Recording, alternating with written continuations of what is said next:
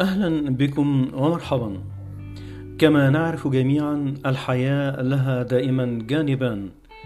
الجانب الأول إيجابي والثاني سلبي وهي لا تستقيم إلا بالجانبين أو وجهي العملة. فكما نتكلم دائما عن الإخلاص نتكلم عن الغدر وما قيل فيه. ماذا قيل في الغدر؟ أخشى ما أخشى أن يصبح الغدر وجهة نظر. أسد مفترس أمامك خير من كلب خائن وراءك. لا فرق بين غدر الضمير وغدر الواقع إلا التنفيذ. تصادق مع الذئاب على أن يكون فأسك مستعدا دائما. الغدر هي الجريمة التي يدفع ثمنها من لم يقترفها.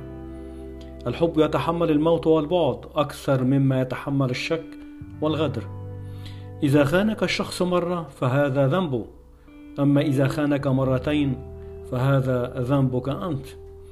يستطيع الكذب أن يدور حول الأرض في انتظار أن تلبس أو تلبس الحقيقة حذاؤها.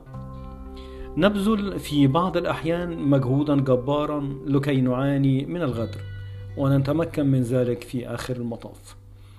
إن انشغال الناس بالجزئيات والأمة تكتث من جذورها من أعظم الغدر لها وللمنهج الرباني الذي كلفنا بحمله مثل الذي خان وطنه وباع بلاده مثل الذي يسرق من مال أبيه ليطعم اللصوص فلا أبوه يسامحه ولا اللص يكافئه. نعيب نعيب زماننا أو زماننا والعيب فينا ولو نطق الزمان إذا لهجانا.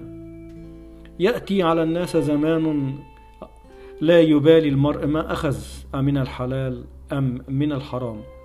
كل خائن يختلق لنفسه ألف عذر ليقنع نفسه بأنه فعل الصواب. أيها الخائن كنت حبيبا أم صديقا؟ لو كانت كل قصة حب تنتهي بالغدر لأصبح كل الناس مثلك. شكرا لكم ولحسن إصغائكم وإلى لقاء في حلقة أخرى إن شاء الله.